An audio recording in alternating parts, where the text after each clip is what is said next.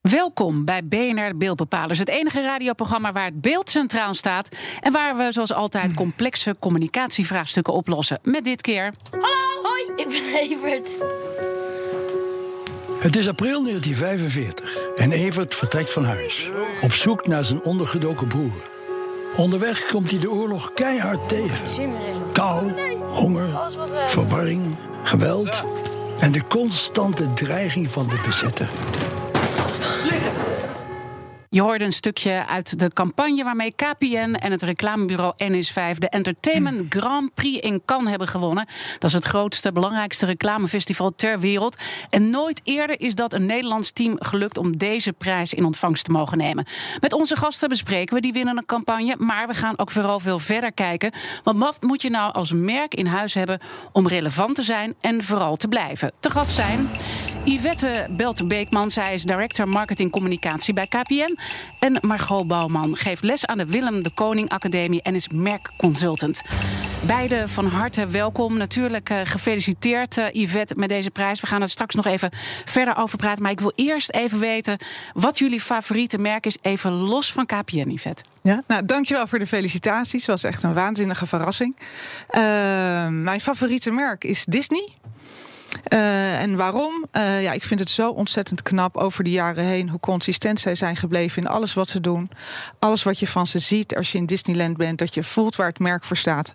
Waanzinnig knap en een, een heel groot voorbeeld voor mij. En inspiratie ook uh, voor jouw werk wellicht. Margot, hoe is dat voor jou? Uh, ja, een merk waar ik uh, als consument en als vakvrouw uh, veel plezier aan beleef, dat is Linda. En dan niet alleen de presentatrice Linda en ook niet alleen het tijdschrift Linda, maar eigenlijk alles wat zij heeft neergezet. Dus haar complete mediaplatform, dat vind ik vooruitstrevend, kwalitatief. Ja, echt iets om in Nederland heel erg trots op te zijn. Want wat zegt dat over vandaag hoe je als mediamakers eigenlijk een verhaal moet neerzetten? Uh, nou, wat ik interessant vind aan uh, Linda is dat zij vanuit een vertrouwde basis, dus een bekende basis, zij als persoon hele verrassende dingen doet. En ik denk dat dat een tip is voor merken om uh, ook verrassende dingen te doen en succesvol te blijven. En ik zie jou instemmend knikken, Yvette. Ja, ik herken het compleet. Uh, ik was ook heel blij dat uh, Margot uh, Linda noemde. En ik denk dat het een heel goed voorbeeld is van hoe je een goed merk neerzet. En hoe je ook door blijft. Nou, zij blijven doorbouwen vanuit de basis. en ook als je kijkt naar bijvoorbeeld Linda TV, weer een stap verder gegaan, maar wel heel erg vanuit de kracht van hun merk. Dus, uh, heel knap, ja. Laten we ook eventjes teruggaan naar Evert 45. Hè? Want dat hoorden we net al een klein fragmentje van. Yvette is een campagne over de Tweede Wereldoorlog. Ja. Uh, dan uh, zie je eigenlijk een, nou, die jonge jongen. Ja. nou ja, we konden het niet zien, hè, maar die zie je in ja. beeld. En hoor je die nou ja, ouderwetse stem daarbij naar bij. En je ziet eigenlijk die jonge jongen teruggaan in de tijd. Met de huidige social media middelen van nu. Ja. Dit is toch nog wel een thema om ervoor te kiezen van hier gaan wij als KPM mee aan de slag. Waar, waarom? Ja, uh, nou, ik snap je vraag volledig. En we zijn ook zeker niet over één nacht ijs uh, gegaan toen we besloten om hiervoor te gaan. Waar het uit is ontstaan, is eigenlijk een krantenartikel. in dat krantenartikel gaven oude verzetstrijders aan van ja, wij zijn er bijna niet meer. En um, het is zo jammer um, dat wij onze persoonlijke verhalen niet meer aan de jeugd kunnen vertellen dadelijk. Dus het was eigenlijk een oproep van wie zou dat voor ons kunnen doen. En uh, nou, het was op een mooie middag bij, uh, bij het reclamebureau uh, bij NS5. En dat creatie tegen ons zei: zou, NS, zou KPN dat niet moeten doen? En daar zijn we over na gaan denken en dachten, ja, dat is iets wat KPN zou moeten doen. Wij, wij uh, uh, zijn de verbinders uh, van Nederland. En wij willen heel graag die verhalen doorvertellen. En in dit opzicht van de ja. ene generatie naar de andere generatie. Dat, Met, dat, het klinkt natuurlijk prachtig, maar ik ja. denk, ja, jullie zijn er ook gewoon als KPN om keihard geld te ja. verdienen. commercie. van waar dan toch zo'n maatschappelijk thema? Nou, het past heel erg goed bij waar wij als merk voor staan. En wij willen heel graag zaken teruggeven aan, aan de maatschappij maatschappij. En dat is ook wat we hiermee dan uh, uh, doen, inderdaad. En dit is ook echt, wij bestaan al meer dan 130 jaar. En we zien ook aan de verschillende initiatieven die wij doen uh, in Nederland. Dus Evert 45 is daar een mooi en heel recent voorbeeld van. Maar we hebben veel meer initiatieven die wij ontplooien voor Nederland. Omdat we graag iets terug willen geven aan, ja. aan Nederland. misschien, Margot, mooi om daar even op in te haken. Want is het zo dat je er wat aan hebt als merk om iets terug te geven aan de maatschappij? Zie je het vaker gebeuren? En je ziet het zeker vaker gebeuren. Het is ook wel een trend. En uh, ik lees ook interviews met vakgenoten, internationale vakgenoten, of blogs van uh, mensen die beweren dat je het ook nodig hebt. Dus dat mensen uh, je de, dat, dat je de gunfactor krijgt als merk en je daardoor een grotere kans hebt op succes. Dus een mooie imago of hogere verkoop.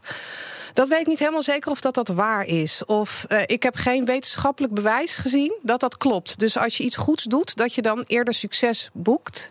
Maar wat ik wel uh, vind, weet je, merken nemen best wel veel van ons. Weet je, dus ze kapen, zou je het heel onerbiedig kunnen zeggen, onze aandacht.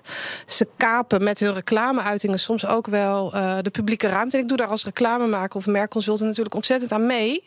Maar ik vind het dan ook goed om, als je dat van jezelf beseft en je hebt macht, je hebt bereik, je hebt budget om dan iets terug te geven. Dus eigenlijk of je, een verantwoordelijkheid. Een verantwoordelijkheid meer dan een noodzaak. Maar het zou wel kunnen veranderen. Ja. Dus dat die noodzaak wel gaat ontstaan. Voelden jullie die verantwoordelijkheid? Wij voelden zeker manier? verantwoordelijkheid.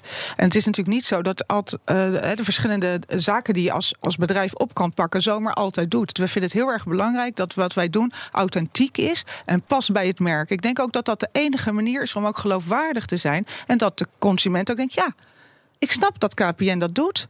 Wat en is dan wel de doen. achterliggende gedachte dat je hoopt dat ze dan uh, meer nou ja, bij je gaan afnemen?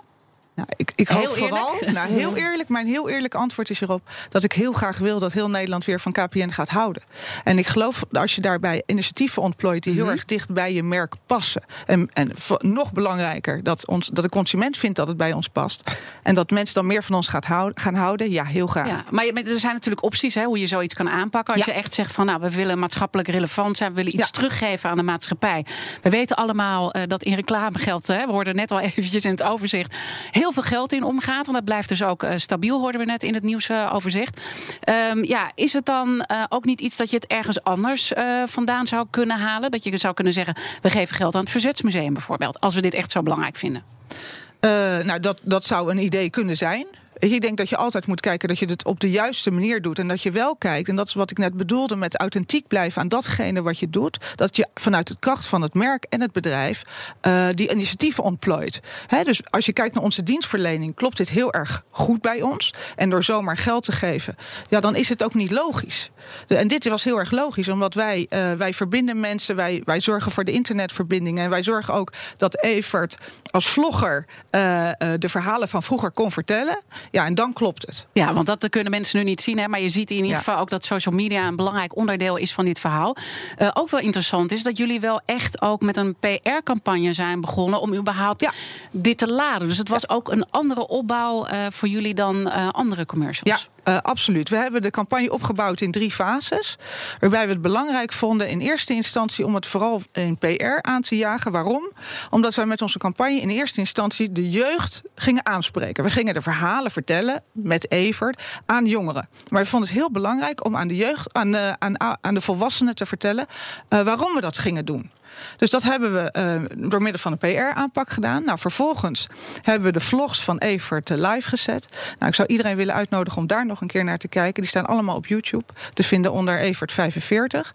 Nou, en dat was onze belangrijkste doelstelling om die verhalen door te vertellen. Ja, maar nou. vind, je, vind je dit een goede strategie dat ze dit helemaal eigenlijk hebben verantwoord dat ze het op deze manier in de markt gingen zetten? Ja, je ziet trouwens ook uh, dat, weet je, in Cannes, waar die mooie prijs is gewonnen, mm -hmm. worden regelmatig uh, onderzoeken gedaan naar wat succesfactoren zijn voor campagnes. En je ziet dan steeds vaker dat een sterk, sterke PR-component belangrijk is. Maar daarnaast vind ik het belangrijk, ook uh, op jouw vraag net, je had ook geld kunnen doneren of geven ja. aan het Verzetsmuseum. Weet je, door het op deze manier te doen, heeft uh, KPN ook echt aandacht gekregen voor uh, die Tweede Wereldoorlog verhalen. Dat vind ik heel interessant aan, aan deze case. Straks, heb je nou uiteindelijk genoeg aan een goed verhaal om als merk relevant te blijven? Welkom terug bij BNR Beeldbepalers. We hebben het dit keer over merkstrategie en hoe belangrijk dat is om ook in de toekomst succesvol te blijven. En ook uh, nou ja, hoe je dat een beetje kan aanpassen onderweg en hoe marketingbudgetten eigenlijk anders aangewend worden. Yvette, we hadden het net al eventjes over uh, Evert 45, hè, die campagne over de Tweede Wereldoorlog, die die grote prijs in Cannes heeft gewonnen. Ehm, net even in de break bespraken we ook dat het best wel spannend voor jullie als KPN was om dit echt door te zetten, deze campagne. Waar zat het dat in? Ja, het was heel spannend. En dat heeft er alles mee te maken dat het onderwerp oorlog natuurlijk heel erg gevoelig ligt. Dus we zijn heel erg zorgvuldig te werk gegaan. Enerzijds om te kijken van hoe gaan we dat dan precies doen. Dus we hebben dat uh, afgestemd met, uh, met ouderen, met kinderen, met leraars. Dat we het verhaal goed zouden brengen. Maar dat is spannend. Uh, en, maar dat zien we eigenlijk in de communicatie van alle maatschappelijke initiatieven die we doen. We hebben ook een klassencontact, waarbij we langdurig zieke kinderen verbinden met, uh, met hun klas bijvoorbeeld. Mm -hmm. uh, dat we de groenste provider zijn bijvoorbeeld. Dat zijn onderwerpen die we vroeger niet zo makkelijk uh, massamediaal communiceerde. En dat doen we eigenlijk sinds twee jaar wel. En is dat dan omdat uh, men dan toch zoiets heeft... joh, KPN zit er alleen maar om het geld te verdienen. Uh, hoe geloofwaardig is dit hele verhaal? Nou, het heeft eigenlijk met, met twee zaken te maken. Ik denk ook zeker met wat, wat, je, wat je nu aangeeft, het, het commerciële aspect. Maar ik denk dat de Nederlander aan zich... en KPN is natuurlijk echt Nederlands bedrijf... we zijn best wel bescheiden. En soms een beetje te bescheiden in de dingen die we doen. Ja. Dat we dat moeilijk vinden. Omdat we zeggen, nou, wij hebben dat gedaan... en daar zijn we eigenlijk heel trots op. Maar dat is, daar waren we best wel een beetje zenuwachtig over. Want wij zijn echt waanzinnig trots op al die initiatieven. Maar dan ook wel dat we denken: oh ja, weet je wel, kunnen, we, dat dan wel, kunnen we dat dan wel vertellen? Maar gewoon, we hebben het ook over, even, laten we het ook even breder trekken dan die Evert-campagne natuurlijk. Hè? Van hoe moet je nou je marketingbudget gaan inzetten en moet je accenten anders gaan leggen om echt goed aan te komen met je boodschap en met je merk? Hoe, hoe kijk jij daarnaar? Uh, nou, ik vond het heel interessant hoe jij volgens mij nog voor het nieuws... Uh, met wat voor berichtje jij uh, deze, deze uitzending aankondigt. Dat is een onderzoek waar ik ook veel naar verwijs... en waar ik ook veel vanuit, vaak vanuit ga bij de start van een nieuwe strategie. Uit onderzoek blijkt dat mensen die slapen... een hogere hersenactiviteit hebben dan mensen die reclame verwerken tot zich nemen. En dat geldt zelfs voor de wat interactievere vormen van reclame. Hoe dus, kan dat? Ja, mensen die hebben zich aangeleerd om zich af te sluiten van merken en reclame. En niet omdat ze het vervelend vinden of lelijk of afschuwelijk of uh, beneden hun waardigheid. Uh, maar een heel, heel kort uitstapje. Uh, mensen, mm -hmm. Het menselijk brein is gebaat bij rust. Het brein wil graag slapen, Wat zodat het energie opdoet ziet, om in actie te uh, dit is mijn uh, fout, want ik uh, ging al even een reactie erbij halen. maar we hebben hem even stopgezet, ja. dus maak vooral even je okay. verhaal af. nou, wat ik zei heel kort, het menselijk brein dat is gebaat bij rust. Zodat het energie op kan doen om in situaties die echt om een alerte reactie vragen... om dan goed in actie te komen. En mensen hebben gemerkt dat merken en reclame niet, van zulke, niet zulke situaties zijn. Dus als zij iets coderen als een merkboodschap... dan blijft dat brein een beetje slapen. Dan blijft het brein eigenlijk in een soort status quo-modus. En, en, en, daarom is het dus heel handig om dus die strategie, die merkstrategie, ja, anders ja, uit te bouwen. Dus je kan dan kiezen voor uh, onderwerpen die in de samenleving heel erg relevant zijn, om daarop mee te liften, want dat trekt de aandacht. En wat je ook steeds meer ziet, en dat is ook iets dat uit de wetenschap komt, het helpt heel erg als je boodschappen, en dat heeft KPN vind ik ook goed gedaan, een beetje ongewoon gewoon maakt. Dus als je een combinatie maakt van iets dat mensen kennen en iets dat heel erg vreemd is, of weird normal. En, en wat was dat dan in dit geval? Nou, oorlogsverhalen in op verschillende niveaus zit het. Uh, oorlogsverhalen via social media. Daarvan denk je op een heel. Dus de campagne zit veel knapper in elkaar. Maar op een heel oppervlakkig niveau denk je: wat gebeurt hier? Dat kan helemaal niet.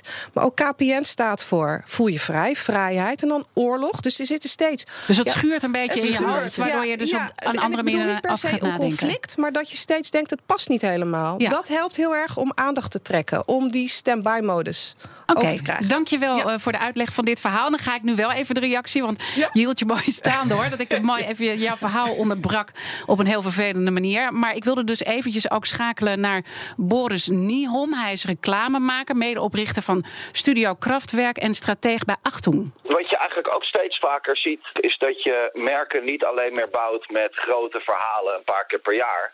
Maar dat merken steeds meer bezig zijn met hoe kan ik het leven ook van mijn individuele klant een beetje leuker, makkelijker of beter maken.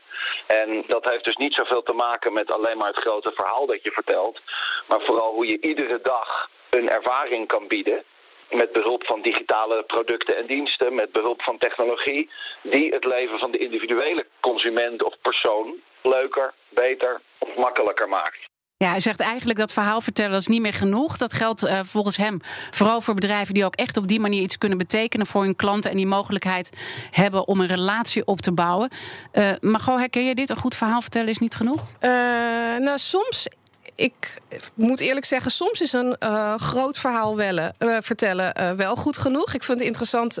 Yvette verwees net in, naar Disney, wat een mooi merk is. Want dus Disney kan heel goed hele mooie verhalen vertellen zonder dat ik daar iets mee hoef te, te doen, digitaal of op wat voor manier dan ook. Maar wat Boris zegt is wel heel waar. Weet je, op die manier kun je wel relevantie creëren. Dus dat is een manier om door die stand-by-modus van mensen heen te gaan.